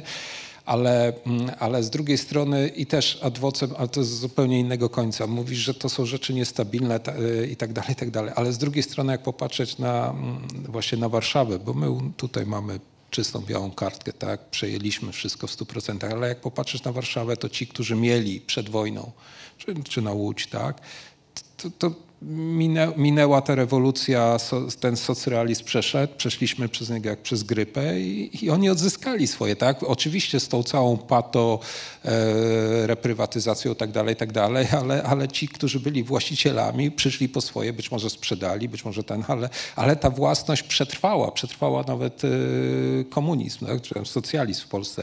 Więc to nie jest takie niestabilne zjawisko. Ja nie odzyskałem e, mieszkania, które mój pradziadek wybudował w bardzo atrakcyjnej części Warszawy. Być nie może za mało się odzyskali. starałeś, ale, ale, ale część odzyskała, natomiast, e, natomiast głośno było jakimś tam, e, no to wyszła książka tych dwóch e, pań z Gazety Wyborczej, tak, i, i też polecam. Natomiast, na, natomiast remedium jest w tym, że żeby teraz zrównoważyć to, co już się wydarzyło prywatnie, jest zalać rynek podażą publicznego taniego. A żeby, a, a żeby to szybko zrobić, to PiS miał trafną diagnozę, wybudować 100 tysięcy mieszkań plus, tylko, tylko po prostu się wywrócił, mówię na, na starcie, tak? Bo, I to było wiadomo, że się wywróci. Więc teraz po prostu ten wektor, który jest, a potężnym wektorem jest, jest, jest rynek deweloperski, skierować do produkcji y, rzeczy na gruntach pu, pu, publicznych, bo oni dalej będą zarabiali tylko tam. Przy rocznej produkcji 200 tysięcy, bo takie, takie, są, ś- takie są e, moce przerobowe polskiego tego przemysłu deweloperskiego. To jest kwestia pięciu lat, jak osiągniemy milion, mm, dziesięć dekady, jak osiągniemy dwa miliony, czyli zrównoważymy ten popyt. Dwa miliony dostępnych mieszkań po te 800 zł za kawalerkę jest w stanie zrównoważyć, jest w stanie zrównoważyć to, co się dzieje na, na, na rynku najmu z, z tej strony prywatnej. No bo, sorry, już ostatnie zdanie. Bo teraz tak, jeżeli, jeżeli ktoś kupił mieszkanie w kredycie, tak, 30-letnim, no to rzeczywiście on nie ma wyjścia, musi je wynająć za te 2,5 tysiąca. No bo po prostu cena metra, przeliczeń i tak dalej. Ale jeżeli ktoś odziedziczył mieszkanie e, po, po, po, po, po rodzicach, komunalne, zapłacił za nie tam trz- 2% czy 5%, czy nie kosztowało go nic, albo w ogóle odziedziczył, no to jaki on ma przymus ekonomiczny, żeby je wynajmować na rynku za 2,5 tysiąca? Robi tak dlatego, bo może, bo tak, takie ceny dyktuje, dyktuje rynek. A takich mieszkań jest, jest y, więcej, takiego zasobu jest więcej niż tego rzeczywiście e, zapłaconego, za- e, który ma ten przymus ekonomiczny. W związku z tym ci wszyscy ludzie, którzy tego przymusu nie mają, korzystają z tego, że taki poziom cen wyznacza rynek. Ale, ale to, to nie są ceny, które, znaczy to, to mieszkanie nie, nie kosztowało ich tyle, tak? Jak oni zaczną je wynajmować za 1000 zł za, za, za miesięcznie, czy za te 800 przysłowiowe, to dalej te 800 będzie ich zyskiem, tak? No dobrze, to próbujemy tutaj rysować ten bardzo skomplikowany kontekst i to jest chyba dobry moment, żeby spróbować oddać Państwu głos. Może są jakieś pytania? E, Ktoś chciałby, czy po lekturze, czy obok lektury, o coś zapytać naszych dyskutantów. Albo popolemizować. Albo może mamy jakieś pytania z online'u. Może ktoś się odważył zadać pytanie w sieci. Nie ma. No dobrze, to jeśli nie ma, to może ja na koniec, bo już długo rozmawiamy, spróbuję zadać takie pytanie, które już e, gdzieś w mojej głowie się pojawiało od e, parunastu minut. A wywołało je teraz e, to stwierdzenie twoje Zbyszku, że na ulicach temat mieszkalnictwa pojawi się za 3 do 5 lat. Dlaczego dopiero za 3 do 5 lat? E, ciebie, jakby korzystając z, z Twojej obserwacji, to pytanie bym chciała skierować do Ciebie, Łukaszu, bo też e, znam takie badania, na przykład czeskie, które pokazują, że milenialsi i młodsze, jeszcze młodsze osoby, pomimo bardzo podobnych problemów mieszkaniowych, na przykład w obszarze metropolitalnym e, Pragi, w ogóle nie formułują postulatów politycznych e, nakierowanych na to, żeby tego dostępnego e, mieszkania na rynku czy na rynku najmu było więcej. Raczej kierują się właśnie w stronę takich neoliberalnych i wyjaśnień, i strategii własnych. Dlaczego, dlaczego tak jest? Dlaczego tak jest? No, dlatego, że to starą, chyba najbardziej klasyczną strategią e, rozwiązywania problemów politycznych jest znajdywanie kozła ofiarnego. I e, no, dzisiejszy też krajobraz polityczny w Polsce jest tego wspaniałym obrazem. No bo mamy tak na przykład humanoidalne memy, generatory memów prawicowe. Pozdrawiam Janusza Kowalskiego szczególnie w tym momencie, ale też innych polskich polityków, którzy są zajęci podgrzewaniem tej atmosfery niesamowicie. No i w toku kampanii wyborczej. Znowu mierzymy się z e, kluczowymi e, dylematami polskiego społeczeństwa, takimi jak seksualizacja dzieci, jedzenie robaków e, i co tam jeszcze podkręcimy w zależności od bieżących potrzeb. E, ja chciałem najpierw odpowiedzieć na takie pytanie, że chciałem zwrócić to pytanie Zbigniewa, skoro e, oszacował to, bo mi trudno odpowiedzieć się do tego, czy, czy mam takie zdanie. Nie wiem, nie mam tej kwestii przemyślanej. Wydaje mi się, że jest sprzecznych wektorów to trochę jest, jest wróżenie z fusów, jak to faktycznie się zadzieje. Bo z jednej strony wydaje mi się, że narastające problemy społeczne, chociaż jak wszystko wiemy o w ogóle historii rewolucji, to wiadomo, że one nie wybuchają wtedy, kiedy się tego najbardziej spodziewamy, tylko to jest kwestia bardziej samopoczucia, utraty godności. To już od Tocqueville'a e, wiemy, że, e, że to nie jest tak, że jest pewien poziom e, ubóstwa albo poziom jakiejś innej nierówności ekonomicznej, którą jesteśmy w stanie zmierzyć. Wtedy jak za kliknięciem wybucha, wybucha atmosfera rewolucyjna. Dzieje się to w sposób dużo bardziej nieprzewidywalny.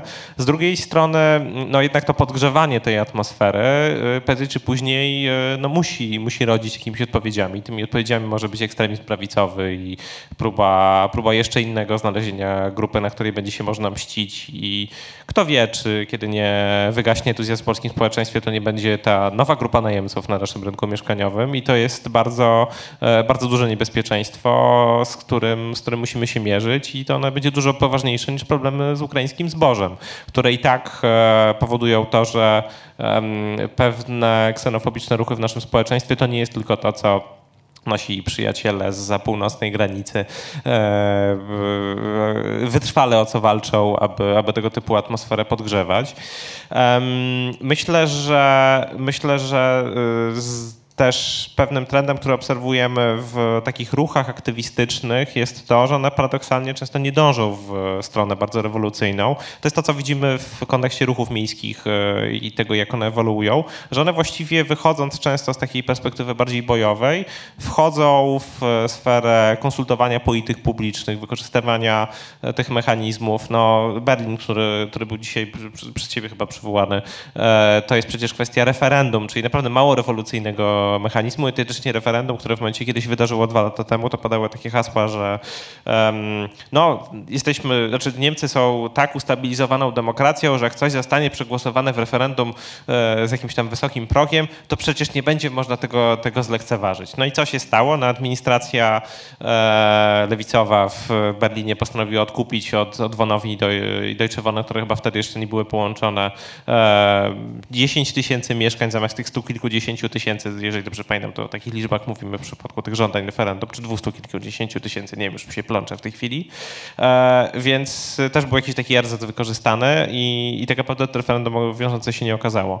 Nie wiem, w sensie nie mam, nie mam na, to, na to oczywistej odpowiedzi. E, oczywiście najbardziej oczywista wydaje mi się, że jest ta, że jak zwykle będzie jakiś, jakiś kozioł ofiarny, no i nawet go wskazałem, bo, bo to jest dość logiczne, żeby można, można tę sytuację tak rozwiązać.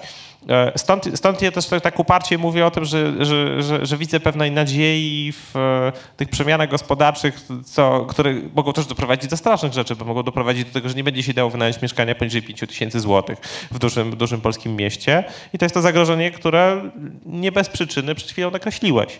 Um, ale myślę, że kwestia wypracowania jakiejś alternatywy w takich warunkach będzie, będzie trochę czymś innym niż, e, niż to, z czym się mierzyliśmy do tej pory. Um, jestem sobie w stanie wyobrazić e, sytuację rewolucyjną e, zapoczątkowaną e, przez problemy mieszkaniowe, ale myślę, że to będzie sytuacja rewolucyjna, która nie wyniesie do władzy zrównoważonych, socjaldemokratycznych rozwiązań, które mi samemu byłyby najbliższe, tylko obawiam się raczej, no nie wiem, stanogizacji e, polskiej polityki, również na poziomie polityki mieszkaniowej w tym zakresie i, i, i to może boleć. To jest jeden z możliwych scenariuszy. Czy bym na niego postawił Bookmachera? Nie wiem. Chyba będę się tutaj bawił w taką ulubioną ucieczkę naukowców, czyli opowiadanie, że no nie wiadomo, no jest jakiś margines niepewności, za dużo zmiennych e, i, i, i, i tak dalej. Nie, nie, nie, nie, nie wykluczam, ale nie, nie powiem ani tak, ani nie. Tak, to, to, co, to co mówisz e, trochę mi przypomina taki dość chyba znany cytat z książki Nadzieja w mroku Rebeki Solnit, że e, w odróżnieniu od optymizmu, czasami naiwnego optymizmu, to nadzieja to jest to przekonanie, że to, co robimy ma znaczenie, nawet jeżeli nie sposób przewidzieć, kiedy i jakiego znaczenia nabierze, na kogo i w jaki sposób e, może wpłynąć, prawda? To tak zupełnie na zakończenie, może coś w bardziej optymistycznym tonie, no bo to jest jednak trudna i smutna książka, prawda? I taka, to przykro się czyta, trzeba mieć dobry humor, żeby, żeby czytać. E, Co was zachwyciło ostatnio? Przy czym ostatnio to jest szeroka kategoria. W tym obszarze nie wiem, mieszkalnictwa, urbanistyki, architektury, tak żebyśmy może na koniec e, tej rozmowy wyszli z... e, No właśnie. A, można, oczywiście.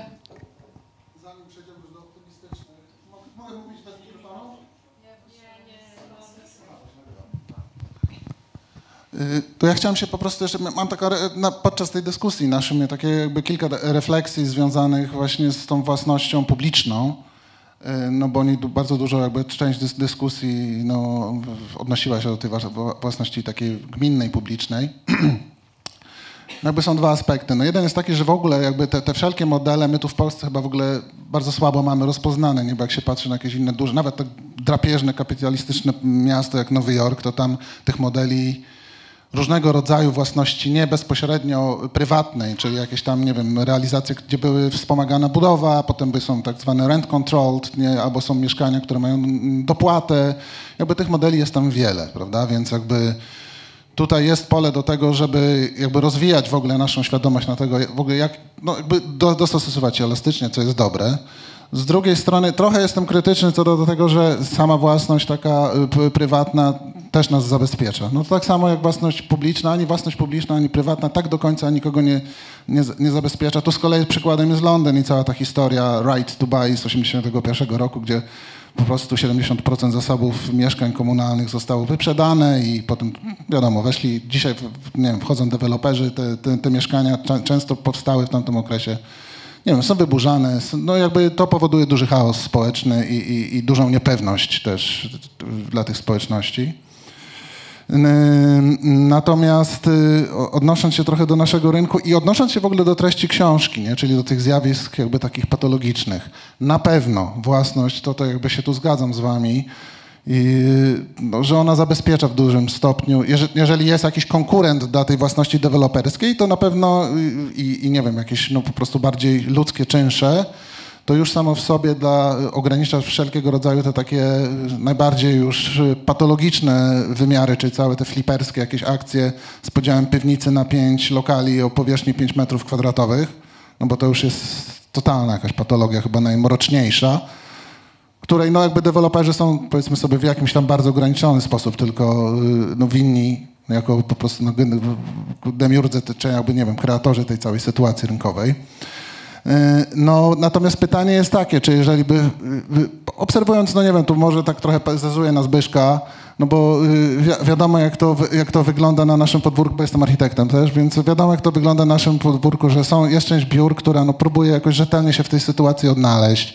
Nie wiem, pro, projektować no, tak, jak ma, no, jakie są realia rynkowe, no ale projektować w miarę dobrze i przyjaźnie.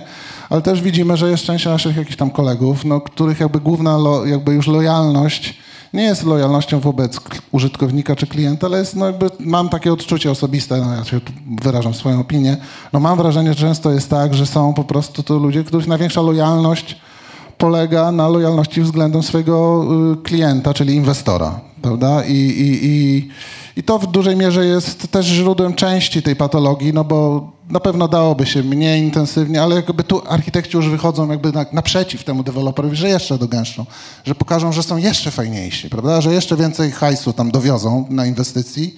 Oni są bardzo lubiani no, przez takich właśnie potem dużych deweloperów. I trochę też taka jest taka sytuacja, że tą przyjazną taką atmosferę, no gminy też no, starają się dla, dla, dla inwestorów tworzyć, to jest naturalne i zrozumiałe.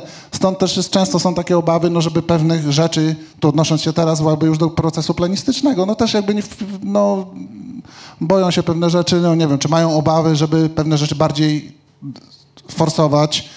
W związku z tym pewne procesy są dużo bardziej, y, może nawet dobre, są rozwleczone w czasie. Tu, żeby nie, nie za bardzo abstrakcyjnie mówić. No, wi- widzimy, że w końcu się zaczął ten trend w centrach miasta odwrotu od tego, aby, nie wiem, pod każdym budynkiem było jeden, półtora miejsca parkingowego na mieszkanie, które, no wiadomo, są jakieś potem rodzą koszmarne problemy z parkingami, z, w ogóle z terenami zielonymi, etc. To jakby w dobrym stopniu, znaczy w jakimś dobrym kierunku idzie i się ogranicza. Yy, Natomiast nadal no, widzimy, że no, powstają, nie wiem, mieszkania, są, jest akceptowana, ak- akceptacja dla tych tak zwanych mikrokawalerek. No, to, to jest też jakieś zjawisko, które które by wymagało jakiegoś uregulowania na szczeblu przede wszystkim planistycznym, budowania mniejszych, jakichś bardziej luźnych zespołów.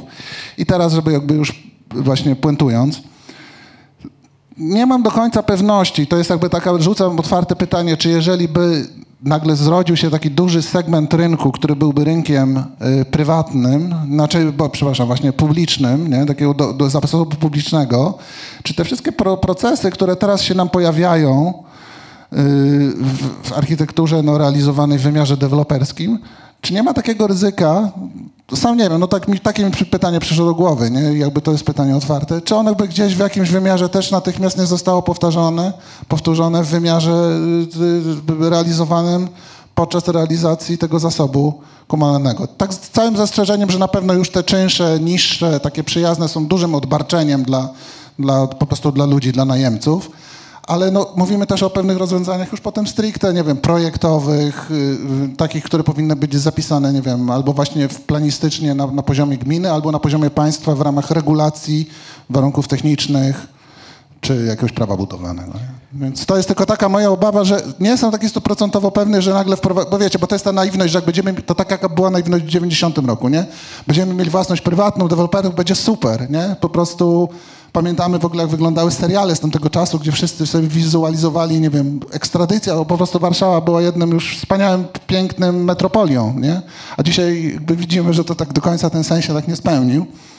Więc to jest też takie pytanie otwarte, czy znowu sobie nie idealizujemy, że wprowadzimy jakieś rozwiązanie, i- a, a jakby no, ono nie za wiele zmieni, nie? jeśli chodzi o, jakby o jakość przestrzenną i jakby te kategorie takie no, jakości przestrzeni i zamieszkania. Nie? Ale oczywiście, że dużo zmieni. E, Dużo zmieni fakt, że zostanie wyjętych z rynku kilkadziesiąt tysięcy osób, które nie będzie wpięty w ten proces inwestycyjny, to kształtowanie się tych cen, to kształtowanie się tych kredytów hipotecznych, które za tym stoją. I sam fakt wyjęcia tych kilkudziesięciu tysięcy osób w skali roku spowoduje ogromne zmiany w polityce mieszkaniowej. Między innymi też na deweloperach wymusi zawężenie swojej oferty do tych osób, które mają większą siłę nabywczą, dzięki temu realną konkurencję pod względem jakości.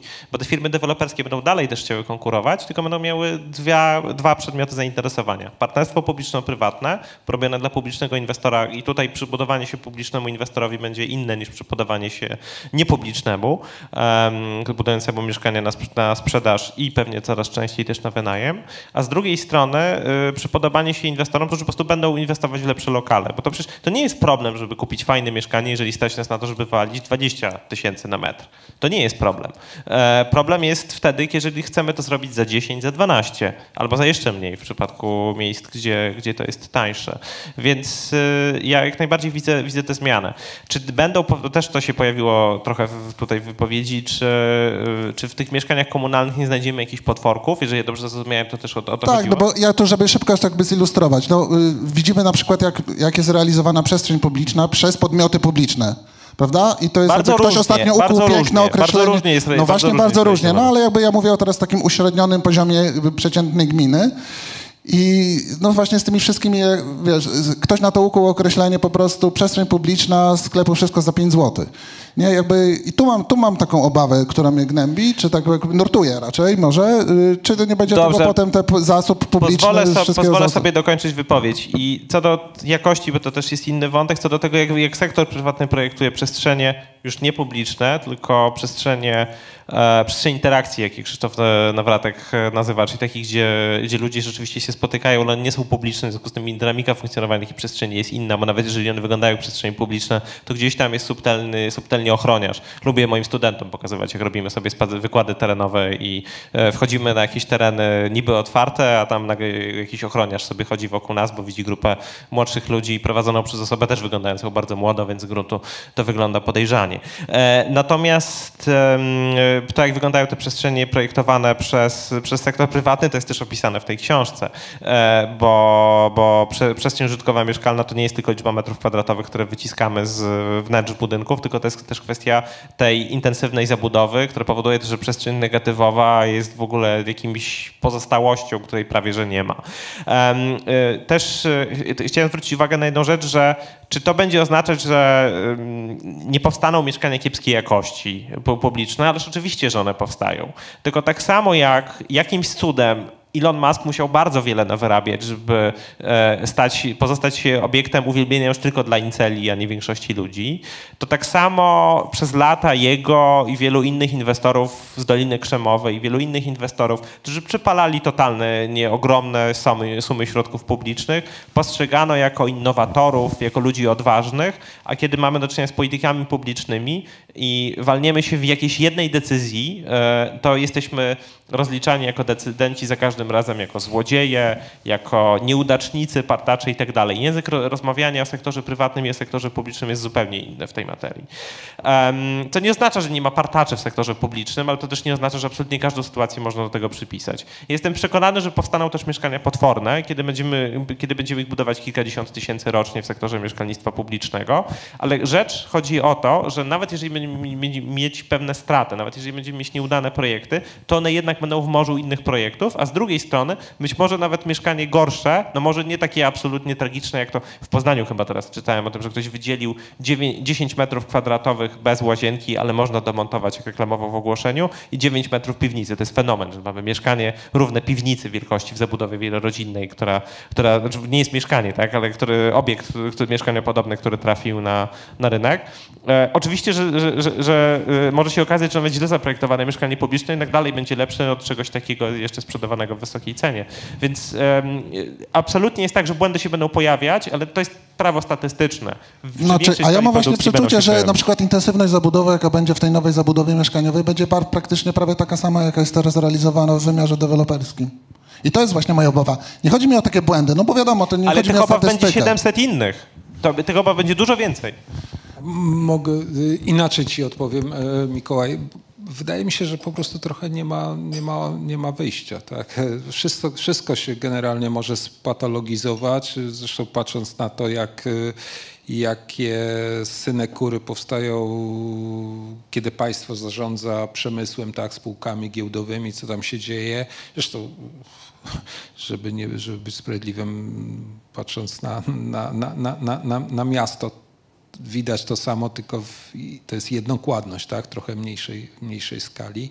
E, więc, więc, więc jakby potencjał do patologizowania jest y, e, w tej naszej kulturze w wielu, wielu dziedzinach i również to może się spatologizować i rzeczywiście za chwilę, za chwilę będzie zarządzane tak, że tam te pieniądze będą przeciekać po prostu przez wszelkie możliwe dziury i wyciekać do, do kieszeni. E, natomiast trochę nie ma, nie ma wyjścia, dlatego że, że wiesz, musimy popatrzeć sobie na to, znaczy ja lubię patrzeć na rzeczywistość czasami, albo przynajmniej na takie zjawiska, które mają coś wspólnego z ekonomią, jak na model, tak? model matematyczny, który, który, który trzeba wyabstrahować z pewnych takich rzeczy, na które, na które mogą się zdarzyć, jak wojna w, czy, czy, czy, czy, ten. I teraz y, jak już mówiłem o tym modelu, co, co zrobić, żeby z tej ceny 12 za metr, y, żeby, żeby to, ten czynsz był dostępny. Czyli jak odejmiesz cenę gruntu, infrastruktury, marże, to to się robi dostępne. Ale teraz popatrzmy na to też na, na, jak na inny model. No, grunt, tak jak powiedziałem, jest wartością nieodnawialną, tak? jest, jest dobrem nieodnawialnym, tak? zwłaszcza w centrach miast. Jeżeli mówimy, że za chwilę e, no, wrócimy do takiego modelu trochę ren, renesansowego, gdzie, gdzie w zasadzie po, poza wojną i pandemią, notabene oba te zjawiska mm, przeszliśmy teraz, ale, ale, ale jak, jak ich nie będzie, to państwo jest niepotrzebne. Tak? Możemy go nawet nie zauważyć, że, że mieszkamy w jakimś państwie. I tak przez ostatnie 20-30 lat pewnie mieszkańcy jakiegoś Akwizgranu czy, czy Monachium nawet do końca nie wiedzieli, czy Curychu w jakim, no może Curychu to przesadzam, ale, bo oni tam mają silną, silną taką poczucie państwowości Szwajcarzy, ale, ale resztę Europy nie do końca czuli, w jakim oni tam państwie mieszkają. Ehm, więc y, y, wracając, gdzie w tych miastach będzie się odbywała kumulacja, ale przez to i redystrybucja wszelkich wartości, a, a wartościami dla tych podkoleń, które w tej chwili wchodzą na rynek i które wejdą, jest wysoka jakość życia. Nie jest już praca po tam 16 na dobę czy 80 godzin w tygodniu wysokie pieniądze, tylko jakość, przeżywanie, tak, doświadczenie i tak dalej. Więc ta dystrybucja tej jakości życia będzie w centrach miast, no, a, ale ci ludzie zostaną wykluczeni z tych centrów miast. Nikogo z tego pokolenia Z i kolejnych tam, nie wiem jak one się będą nazywały, Z i, i tam dalej, y, nie będzie stać, żeby, żeby, za, żeby za, za, za, zamieszkiwać tak, w, tych, w, tych, w tych centrach. E, miasta się, z, e, jak już teraz widać dokładnie, no, zrobią booking.com, tak, czyli, czyli, czyli to zresztą widać wieczorami, tak, e, albo poza weekendami w zimie, które światła się palą na tych, na tych im droższe, tym mniej, mniej, mniej tam zapalonych okien, tak, skupiska, tak, na kępie mieszczańskiej tam się pali pewnie co dziesiąte w tygodniu, w weekend każde, tak, więc, więc, więc zasadniczo będziemy mieli takie wydmuszki w centrum, gdzie jest dystrybuowane wszystko, gdzie miasto kładzie pieniądze, no będziemy, to będzie dożyło do, do, do jakiegoś mega zwarcia, e, które, które się wydarzy z krwią czy bez krwi, e, ale, ale się wydarzy, więc, więc trochę nie ma wyjścia. No. no to słuchajcie, zachwyty na koniec, króciutko, żebyśmy wyszli z czymś takim dobrym i ciepłym i puchatym na koniec. Ja uważam, że jestem bardziej optymistycznym panelistą, więc Zbigniewie, może masz, e, może masz dla odmiany pomysł na zachwycającą sytuację. Mm, ja mam, ja mam pewien pomysł, ale staram Mów, się ja sprowokować kupię, ja drugiego, drugiego panelistę. Um, mógłbym, mógłbym żartobliwie powiedzieć, że oczywiście odczuwam niezdrową fascynację różnymi przedmiotami, które stały się też przedmiotem zainteresowania tej książki. I tak się składa, że dwa dni temu miałem spotkanie autorskie w Zakopanem, więc oczywiście to mi dostarczyło wiele uciech e, w materii e, przedmiotu zainteresowania tej książki. Gubałówka była absolutnie czymś zachwycającym. E, natomiast, natomiast odpowiadając bardziej na serio i szukając jakichś przyczyn, pisanie książek polega na tym, że jest to proces długotrwały i często promując jedną książkę pisze się następną. Jestem w takiej sytuacji na dość wczesnym etapie pisania innej publikacji, która będzie mi trochę bardziej psychologizująca w swojej treści, ale mm, w tej książce, którą piszę w więcej niż jedną osobę, e, zwracamy mm, uwagę na różne rzeczy między innymi prowadząc do tej książki jeden z wywiadów, e, rozmawiałem z osobą zaangażowaną w taki słynny ruch miejski w Barcelonie. E, która to osoba e, z tego Barcelona Nkomu była przeze mnie pytana między innymi o to, jak to w tej chwili z tą Barceloną jest, bo Barcelona tak samo jak Berlin jest miastem pożartym przez turystykę. Tam wybrano taki, miasto jest nasze jakby i to jeszcze z takim bardziej lewicowym, wprost antykapitalistycznym zacięciem e, do, mm, do władzy, zwracając uwagę na to, jakie, jakie problemy są związane z tamtejszą polityką mieszkaniową i w ogóle szeroko rozumianą polityką miejską. Więc ja zapytałem się osoby, z którą rozmawiałem o to, e, jak się w tej, w tej chwili w tej Barcelonie takiej osobie tubylczej żyje, e, czy to jest, e, czy to jest dalej coś fascynującego, skoro macie problemy takie a takie, no i tam leci z listy ileś takich pozycji jak w Berlinie.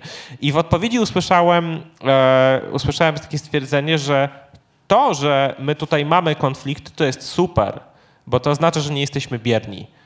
To oznacza, że podejmujemy działania i w dodatku wiele tych działań jest rzeczywiście produktywnych, e, bo taka moja intuicja, że administracja Barcelony trochę ma bardziej wygładzony po paru latach rządów obraz, że bardziej skupia się na, nie wiem, zielonych projektach, ale może mniej na przykład na walce o sprawiedliwe mieszkalnictwo, no to zdaniem mojej rozmówczyni tak nie jest, że tam ciągle nikt się nie cacka z bankiem, który można wywłaszczyć, jeżeli jest właścicielem dużej liczby mieszkań, trzyma je jako puste, zabierając je z rynku wynajmu. Więc e, taki niewygasający entuzjazm jest dla mnie źródłem zachwytu i takim e, źródłem zachwytu dla mnie jest zawsze sytuacja, w której ten entuzjazm dalej trwa, czego przykładem dla mnie jest głośna sprawa z Katowic w tej chwili i walki z e, procedurą Lex Developer, która Rada Miasta Katowicka bardzo intensywnie forsuje. Jutro odbędzie się będzie kluczowe głosowanie w tej sprawie, bo potem jak już raz przerżnięto ten pomysł na zbudowanie czegoś w formule urbanistyki łanowej na terenie, który jest, jak w Soczewce, oddaje wszystkie problemy z polską urbanizacją po 1989 roku. Czyli teren, on jest zaplanowany, żeby było śmieszniej, ale dzięki procedurze Lex Developer może być wykorzystany w inny sposób na cel cele mieszkaniowe. Inwestycja liniowa pomiędzy, e, pomiędzy Katowicami i Sosnowcem, która jest miejscem na strategiczną trasę rowerową na miejscu dawnej linii kolejowej. E, dawnej linii kolejowej, która zostanie, która została w, najpierw oczywiście włączona z ruchu, bo przecież jesteśmy w Polsce. E, potem, kiedy została wyłączona z ruchu, to wyrosła tam piękna, atrakcyjna zieleń, czyli mogło to by być tak jak w Highline Park w Nowym Jorku, ale ponieważ jesteśmy jednak w innym miejscu, to zostało to zasypane gruzem po to, żeby zniwelować teren i aktualnie tam w trybie Lex Developer jest pomysł na wybudowanie osiedla o długości chyba 600 metrów i szerokości, e, mm, e, szerokości 30, 40 czy, czy, czy, coś takiego, czyli właściwie klasyczna urbanistyka łanowa, ale na gruncie pokolejowym, więc z jednej strony ciekawa innowacja, e, która może być zachwycająca, jeżeli chodzi o tę inwestorską pomysłowość, ale z drugiej strony też opór totalnie profesjonalnie zorganizowanego ruchu społecznego, który powiedział nie, który prowadzi wytrwałą kampanię w tej sprawie, który nie odpuszcza tej kwestii i naprawdę zmusił do tego e, Radę, Radę Miejską, żeby tym problemem się zajęła i jedną z ogólnopolskich e, partii przekabacił na swoją stronę i przekonał, przekonał do swoich racji. Taki niewygasający entuzjazm, który, który się dzieje. I to nie jest naiwność, tak, z, mojej, z, mojej, z mojej strony. To jest, to jest w dalszym ciągu zwrócenie uwagi na sytuację, która nie jest kolorowa, która Mm, która, która wygląda taka nie, nie, nie, inaczej, ale jednak jakieś źródła, źródła nadziei w tym są i w takim sensie, nie wiem, też się mogę podpisać pod, pod, pod, tym, e, pod tym tekstem cytowanym e, przez ciebie z Solnic, chociaż ja tej książki nie czytałem. Ja czytałem tylko Mężczyźni objaśniają nam świat, to jest doskonałą książką e, i tak samo jak myślę, że, że nie tylko mężczyźni, ale i różne inne grupy nie powinny, nie powinny objaśniać też między innymi polityki mieszkaniowej, więc to, jest, to są źródła moich zachwytów i tak bym je określił. Tak, nadzieja, czy przemyślałeś, czy... Nadzieja w mroku to jest też bardzo dobra książka, czyli zachwyty takie polityczno-społeczne. Zbyszku, a twoje?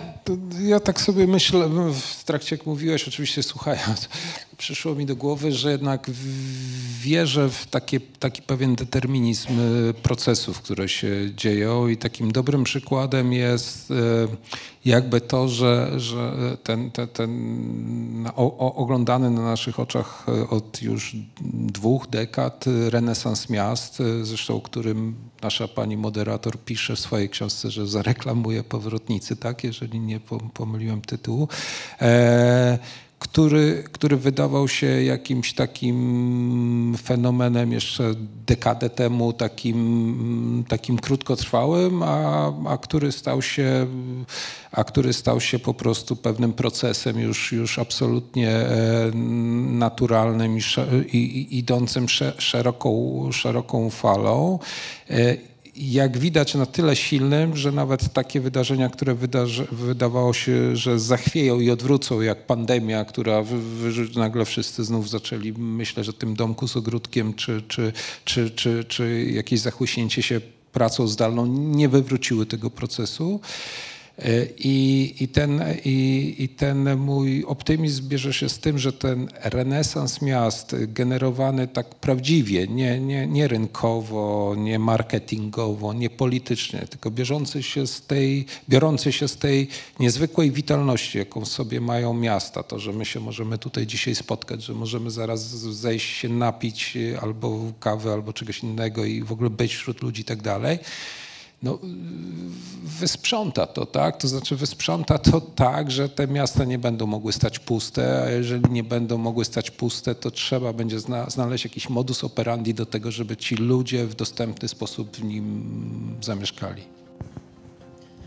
Dziękuję bardzo. Zachęcam do lektury, do własnych przemyśleń i Łukasz, ty pewnie będziesz chętny, można cię spotkać w różnych social mediach i na pewno gdyby ktoś chciał się podzielić jeszcze jakimiś e, pytaniami czy komentarzami do książki, to na pewno będziesz jeszcze wdzięcznym dyskutantem w formule 1 do 1.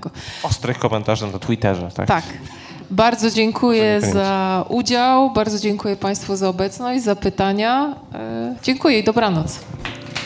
Również bardzo dziękuję.